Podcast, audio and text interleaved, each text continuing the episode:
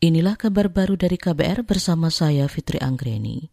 Masyarakat diimbau meningkatkan kewaspadaan terhadap potensi penyebaran virus Nipah yang berasal dari kelelawar pemakan buah. Menurut epidemiolog dari Universitas Griffith, Australia, Diki Budiman, virus yang terdeteksi di Malaysia sejak 1998 silam itu sejatinya tidak pernah hilang. Antisipasi penyebaran virus perlu dilakukan karena berpotensi menyebabkan pandemi seperti virus Nipah ini. Ya sempat menghilang. Karena dia di hewan. Ya, ini zoonotic virus. Jadi di manusia nggak ada dia di hewan. Nah itulah bahayanya penyakit yang berasal bersumber dari hewan. Seperti halnya COVID-19 ini. Ketika nanti di manusia divaksinasi dikendalikan 3T dan lain sebagainya. Ini dia lari ke hewan si virusnya Epidemiolog Diki Budiman menambahkan, hingga kini belum ditemukan obat, terapi, maupun vaksin penangkal virus Nipah. Wabah Nipah yang melanda Malaysia 20 tahun lalu menewaskan ratusan orang.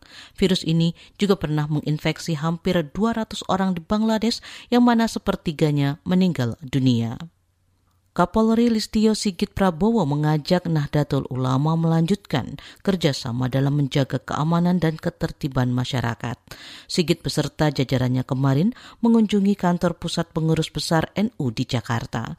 Ini merupakan kunjungan kerja pertama Sigit usai dilantik sebagai Kapolri.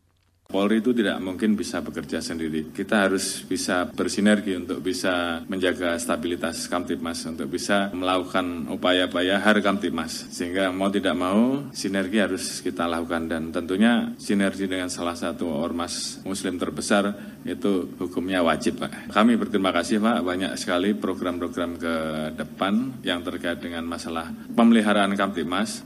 Kapolri Listio Sigit Prabowo menambahkan sinergi antara NU dengan Polri terjalin kuat beberapa tahun terakhir, utamanya ketika Banser, unsur pemuda di NU, bersama Polri menjaga keamanan saat hari keagamaan.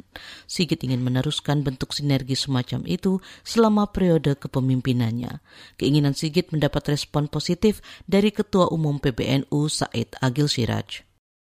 Liverpool sukses mengalahkan Tottenham Hotspur dalam pekan ke-20 Liga Inggris Jumat dini hari. Bertanding di kandang lawan The Reds mampu mengemas skor 3-1.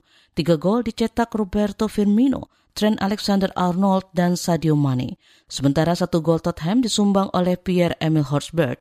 Dengan hasil ini, Liverpool masuk empat besar klasemen dengan nilai 37 terpaut 4 poin dari Manchester City di posisi puncak, sedangkan Tottenham tertahan di posisi 6 dengan 33 poin. Demikian kabar baru dari KBR. Saya Fitri Anggreni, salam.